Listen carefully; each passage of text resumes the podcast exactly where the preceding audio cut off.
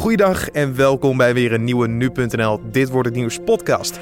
Mijn naam is Carne van der Brink en op deze vrijdag 23 februari praat ik je weer helemaal bij over wat er afgelopen nacht is gebeurd, maar natuurlijk ook wat er vandaag gaat gebeuren. Met vandaag aandacht voor het einde van de Olympische Spelen. En een Siberische kou trekt over ons land heen. Maar eerst kijken we kort terug naar het belangrijkste nieuws van de afgelopen nacht. Tijdens voetbalrellen rondom het Europa League-duel tussen het Spaanse Atletico Bilbao en het Russische Spartak Moskou is gisteravond een politieagent omgekomen. De agent werd naar het ziekenhuis vervoerd met zware verwondingen aan zijn gezicht. Hij zou in het ziekenhuis zijn overleden aan de gevolgen van een hartaanval. Speciaal aanklager Robert Mueller, die belast is met het grote Rusland-onderzoek, heeft een aanklacht ingediend tegen twee oud-medewerkers van de Trump-campagne. Paul Manafort en Rick Gates worden beschuldigd van belasting en bankfraude. In de aanklacht staat onder meer dat oud-campagneleider Manafort met de hulp van zijn zakenpartner Gates, voormalige adviseur van Donald Trump, zo'n 30 miljoen dollar heeft witgewassen. De gewapende bewaker die aanwezig was bij het schietincident op de school in Florida stond buiten het gebouw en bleef buiten toen de schutter Nicholas Crush binnen een bloedbad aanrichtte. De bewaker op de Majorie Stoneman Douglas High School in Parkland heeft als gevolg daarvan ontslag genomen bij het departement. Hij was al eerder op non-actief gesteld. Voormalig Save the Children-directeur Justin Forsyth heeft zijn ontslag aangeboden bij UNICEF nadat hij werd beschuldigd van seksuele intimidatie. Tijdens zijn tijd als directeur van Save the Children zou hij ongepaste dingen hebben gezegd tegen vrouwelijke medewerkers. Ook zou hij opmerkingen hebben gemaakt over de kleding die ze aan hadden.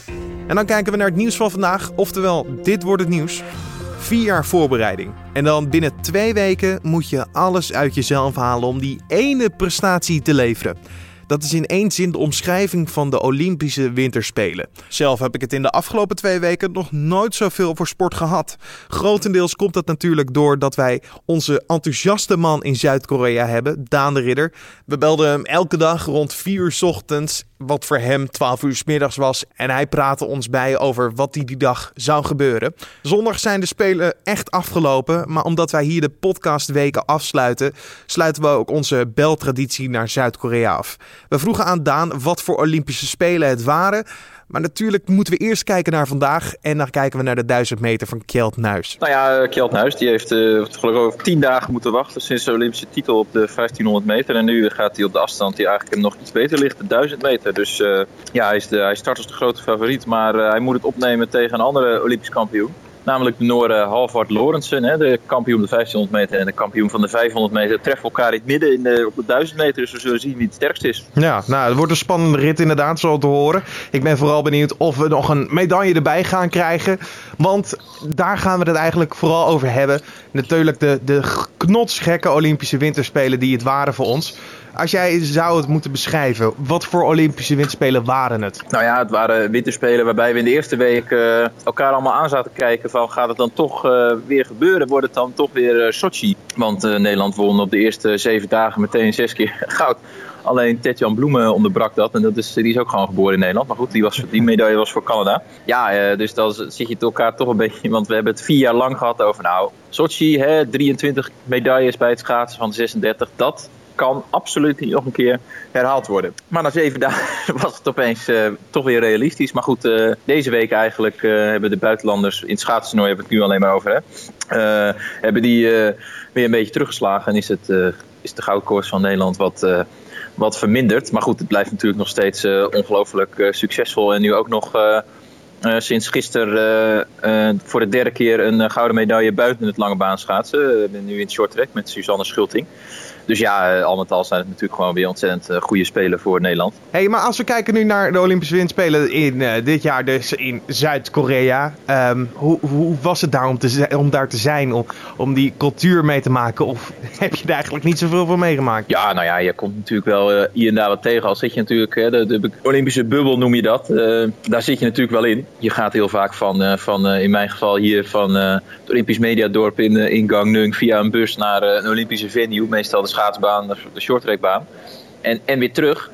Dus wat dat betreft zit je redelijk in een, in een vaste, vast aanbied. Maar ja, nee, je komt hier natuurlijk uh, veel Zuid-Koreanen tegen. Er zijn hier ontzettend veel vrijwilligers. Of en, en, en, en, officials en beveiligers en weet ik wat niet allemaal. Ze zijn flink overstaffed, dus alles is hier uitstekend geregeld in principe. Ja, zelfs midden in de nacht staan hier nog verkeersregelaars. Flink aantal in de kou buiten op straat, terwijl er toch niet zo heel veel verkeer meer is. Dus ja, dus het is bijna beter te goed geregeld dan te slecht. Waren er dan eigenlijk nog, ook nog nare kanten aan deze Olympische Spelen? Ja, weet je, het is, de, ik snap dat je in je Olympische bubbel zit, maar er kan toch wel iets negatiefs aan zijn? Nou ja, de, de Nederlandse ploeg heeft natuurlijk uh, nog voor aardig wat uh, relletjes gezorgd de afgelopen dagen alleen al met... Uh, met die medailleschaal in het 100 Heinekenhuis. En nou, Jan Blokhuis die even in het nieuws kwam omdat hij zei dat Zuid-Koreanen honden toch wat beter moeten uh, behandelen. Dat is ook allemaal wel in de Koreaanse kranten gekomen hier. Ja, voor de rest, buiten, buiten Nederland uh, zijn er geen, ja, er zijn geen grote incidenten geweest. Hè. Je, hebt, uh, je hebt zelfs natuurlijk die, ja, die Noord... Ik zat daar gisteren naast die Noord-Koreaanse cheerleaders. Ja, dat, dat voelt natuurlijk wel een beetje raar. Aan de andere kant worden die allemaal heel positief ontvangen overal. Dus ja, om dat nou negatief te doen, dan moet je wel heel zuur zijn. Mm -hmm. Dus ja, er zijn, er zijn niet... er zijn geen hele grote uh, dingen geweest. Ja, er was een Rus weer toch weer betrapt op doping. Ja, dat geloof je aan niet. Maar, ja, bij de, cur toch, bij de curling. Ja, ja. ja. Bizar. Ja, dus uh, waarschijnlijk, ja, dat, uh, dat als, je het, ja, als je hier als Rus bent, dan is natuurlijk het laatste wat je moet doen dat. En dan ook nog bij het curlen, ja, meldonium ook nog, dat is ongelooflijk. Ja. Dus ja, dat, dat, zou, dat zou de Russen wel eens, hun, ze zouden misschien met hun, met hun vlag toch aan de sluitingsceremonie mogen meedoen. Maar die kans lijkt me nu erg klein. Ja, dat was natuurlijk wel een pijnlijk moment voor de sport in het algemeen. Precies. En de Russische sport in het bijzonder. Nou, ik vroeg jou gisteren om uh, alvast na te denken, om een beetje terug te kijken op deze Olympische Winterspelen. Uh, dat doen we nu natuurlijk al een beetje. Maar ik dacht, we gaan het gewoon heel, heel kort, heel krachtig gaan we het gewoon maken met één hoogtepunt, één uh, dieptepunt. En het hoeft nog eens niet aan Team NL gerelateerd te zijn. Um, ik ben heel benieuwd. Wat was jouw hoogtepunt van deze Winterspelen? Nou ja, je vroeg het inderdaad gisteren. En toen kwam er nog even iets tussendoor. Wat uh, toch ook uh, met stip uh, naar boven is gekomen. Met, uh, met Susanne Schulting. Maar gisteren in het stadion zat. En dat was toch wel heel bijzonder. Maar ja, wat ik eigenlijk bedacht had. Was ja, dat het toch opnieuw de spelen zijn van Irene Wust. Hè. Dat is toch wel ongelooflijk. In 2006 waren, was ze er al bij Monsgouw. Dat is 19-jarige. En dit seizoen was ze weer. nou ja, nog niet zo goed eigenlijk. Totdat ze hier kwam. En dan won ze toch weer goud. En op de 1500 meter en ook nog twee keer zilver. En uh, ja, we hebben er ook allemaal in tranen gezien na de laatste Olympische race. Dus uiteindelijk werden het uh, toch weer de Spelen van Irene Wust. Ja, en uh, het dieptepunt? Tja, dieptepunt. Ehm, ja, vanuit, vanuit Nederlands oogpunt denk ik toch wel... ik denk dat een heleboel mensen toch wel heel graag hadden gezien dat Sven Kramer die 10 kilometer had gewonnen. Maar ja, voor voor, de, voor, de, voor het schaatsen was het misschien toch eigenlijk ook wel eh, heel erg mooi. Want het was een hele mooie race, die 10 kilometer. Dus om dat een dieptepunt te noemen. Maar goed, ja, ik denk voor een heleboel eh, schaatsliefhebbers eh, die voor de tv zaten, was dat wel een dieptepunt. Als we nu kijken, zondag natuurlijk de, de sluitingsceremonie. Um, hoe gaat jouw trip terug eruit zien? Gelijk weer aan de bak? Kunnen we je over vier jaar ook weer bij de winterspelen tegenkomen? Hoe gaat het eruit zien voor je? Nou, daar ga ik niet over, jammer genoeg. Maar uh, dat is nog heel ver weg, Peking. Ja, dat, uh, dat zien we dan wel weer. We, gaan, we gaan eerst naar huis en dan even bijkomen van deze. Dan zien we wel weer of er over vier jaar... er zit nog heel veel tussen. Je hoorde voor de laatste keer dagelijks vanuit Zuid-Korea... nu sportcollega Daan de Ridder. Als ik jou was, dan zou ik vandaag de allerdikste jas uit de schuur of kelder halen en de handschoenen maar alvast op de verwarming leggen. Want de verwachting is dat het dit weekend koud gaat worden. Niet zomaar koud, maar Siberisch koud. Om de omvatting van deze Siberische weersverwachting te begrijpen, belden wij met Diana Woei van Weerplaza. Op de vragen hoe slecht of juist heel goed het weekend eruit gaat zien. Uh, ja, nou, het is in ieder geval vrij zonnig en uh, er staat een uh, snijdend koude oostenwind. Dus ja, het is echt winterskoud. In de vroege ochtend ligt de temperatuur veel onder het vriespunt. En pas uh, na een uur of elf of twaalf uh, komt het weer op zaterdag. Uh, rond een graad of drie of vijf te liggen in de middag. En door die oostenwind voelt het aan alsof het de hele dag licht vriest. Dus ja. dat is al een koude winterdag. Precies. En dan de zondag nog? Dan de zondag nog, want dan bereikt de echte Siberische kou ons land.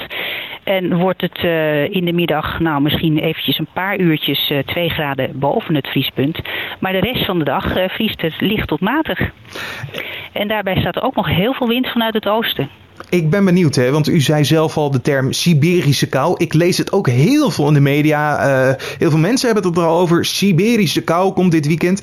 Is dit nou echt zo of is dit gewoon een beetje overdreven? Nou, het is in ieder geval zo dat de lucht uh, vanuit het hoge noorden komt, uh, vanuit uh, Noord-Rusland. Of nou helemaal uit Siberië komt, dat is nog de vraag. Maar in ieder geval vanuit het hoge noorden. Het is arctisch lucht en die is erg koud. Ja, en wat kunnen we daarvan merken? Is het bijvoorbeeld dat we ook al in de termen kunnen kijken van nou op een gegeven moment ergens eind van het weekend, begin van de week, kunnen we al een beetje gaan schaatsen? Kunnen we een beetje genieten van die kou? Of is het gewoon voornamelijk koud? Nou, genieten van de kou, dat doe ik meestal uit de wind en in de zon. Als je in de wind staat, is het echt echt snerpend koud. Ehm, maandag, dinsdag en woensdag, dat wordt het nog kouder. En uh, mogelijk dat we dinsdag en woensdag een paar ijsdagen krijgen. En dat betekent dat de temperatuur de hele dag onder het vriespunt ligt. Wauw, wat zegt dit voor de tijd van het jaar en, en ons huidige klimaat dan? Is, is dit gebruikelijk? Um, dit is niet echt gebruikelijk. Um, zelfs zo dat het slechts nou ja, één keer uh, deze eeuw is voorgekomen. Ik meen denken in 2012 en 2013 dat het zo laat in de winter nog zo koud is geweest. Um, ja, dus het is vrij uitzonderlijk. En ja, de, hij moet gevraagd worden. De, de vraag der vragen. Kunnen we door dit al een beetje hopen op een Elfstedentocht? En daarbij ook dat dit natuurlijk langer door zal blijven gaan, die kou. Nou, hopen kunnen we altijd. Um, ja, en als ik kijk naar de pluim voor de lange termijn, uh, dan houdt de kou in ieder geval nog tot uh, met volgende week woensdag aan. Daarna wordt de verwachting uh, erg onzeker. Dus, uh, maar ja, de temperatuur blijft uh, aan de lage kant voor de tijd van het jaar, ook begin maart. Ja, in ieder geval dus je schaatsen gewoon uit het vet halen voor de zekerheid. Je weet maar nooit. Inderdaad. Je hoorde Diana Woei van Weerplaza. En dit gebeurt er verder vandaag nog. De regeringleiders van de 27 Europese lidstaten buigen zich vandaag tijdens een speciale top over de vraag hoe de samenstelling van het Europese parlement er na de brexit in 2019 uit gaat zien. Ook wordt er gekeken naar de EU-begroting voor de periode 2021 tot en met 2027. En er wordt bepaald wie de volgende voorzitter van de Europese Commissie wordt. En dan kijken we waar onze collega's vandaag over gaan schrijven. Ziekenhuizen in Apeldoorn, Uden en Den Bosch hebben vanwege de griepepidemie een patiëntenstop ingevoerd. Alleen spoedeisende operaties worden nog uitgevoerd. Dat staat vandaag in de Volkskrant. Patiënten die niet met spoed worden geopereerd worden doorverwezen naar ziekenhuizen in de regio. Ook veel personeel van de ziekenhuizen zit ziek thuis. Een nieuw masterplan van ProRail moet de overlast die de werkzaamheden aan het spoor veroorzaken zoveel mogelijk beperken. Veel werk aan het spoor gaat komend weekend beginnen en dat zorgt vooral in de vakanties voor extra hinder, schrijft de Telegraaf. Maar ondanks het masterplan neemt de overlast volgens ProRail dit jaar toch met 10% toe. Aannemers zijn soms al twee maanden klaar met de bouw van een nieuw huis, maar moeten dan nog wachten tot het huis kan worden opgeleverd. Reden daarvoor is dat het huis dan nog niet is aangesloten op gas en elektriciteit. Daarvoor waarschuwen netbeheerders, projectontwikkelaars en vereniging Eigen Huis. Zo staat in de Telegraaf vandaag. Zonder die aansluitingen kan een huis niet worden opgeleverd. En dan nog even het weer. Je hoorde net al natuurlijk over de Siberische kou. Nou, we gaan even kijken wat het vandaag gaat worden. Vanmorgen vroeg vriest het nog licht, maar de middag wordt het 2 tot 4 graden. De gevoelstemperatuur ligt door de stevige oostenwind lager. Wel is het vooral later overal vrij zonnig. En dan nog dit. De sterrenkijkdagen beginnen vandaag. Veel sterrenwachten zijn tot en met zondag open voor het publiek. Maar waar moet je naar kijken? En wat zie je eigenlijk? We bellen met sterrenkundige Jelle de Pla van Esseron in Utrecht. En we vroegen hem wat we dit weekend allemaal kunnen zien. Nou, mooie dingen zijn uh, zoals uh, de maan. De, maan staat uh, nu in het eerste kwartier en dat betekent dat hij voor de helft verlicht is. En als je daar met een telescoop naar kijkt, dan kun je heel mooi de, de kraters op de maan zien. De, de zon staat er heel mooi in en dan lijkt het bijna alsof je ze vast kunt pakken. En daarnaast is bijvoorbeeld het sterrenbeeld Orion heel mooi. Daar zit een Orionnevel in en dat is een plek waar sterren geboren worden. En met een telescoop kan je heel mooi zien dat er een, een neveltje hangt met mooie jonge sterren erin. Ja, ja maar hoe, hoe kan je dan bijvoorbeeld meedoen aan deze dagen? Ja, je moet uh, ergens naartoe. Um, nou, de weersverwachtingen zijn in ieder geval mooi. Het is natuurlijk uh, mooi als het mooi helder is in het weekend. Nou, dat ziet er wel naar uit. Nou, als, het, als je wil kijken, dan kun je naar sterrenkijkdagen.nl. En daar staan 58 locaties in Nederland waar je naartoe kunt. van Middelburg tot Groningen, Zwolle, Amersfoort. Nou, eigenlijk overal. En daar kun je naartoe op de avond dat ze open zijn. Kijk even goed of ze zaterdagavond, vrijdagavond of zondagavond open zijn. En dan veel plezier. Sterrenkundige van Esron in Utrecht, Jelle de Pla, hoorde je. Dit was dan de Dit wordt het nieuws podcast voor deze vrijdag 23 februari. De Dit wordt het nieuws podcast is natuurlijk elke maandag tot en met vrijdag te vinden op nu.nl om 6 uur ochtends. Je kan ons natuurlijk altijd blij maken met een recensie op iTunes. Zet er bijvoorbeeld ook in wat je van onze collega in Zuid-Korea vond, Daan de Ridder. Zou hij ook leuk vinden, denk ik. Of schrijf even een mailtje naar redactie.nu.nl. Nogmaals, redactie.nu.nl. Schrijf erin wat je van de podcast vindt en wat je bijvoorbeeld nou, uh, anders zou willen horen of nieuw. We horen het graag. En natuurlijk voor nu een mooie dag. Ga van het weekend genieten en dan ben ik er maandag weer. Tot dan.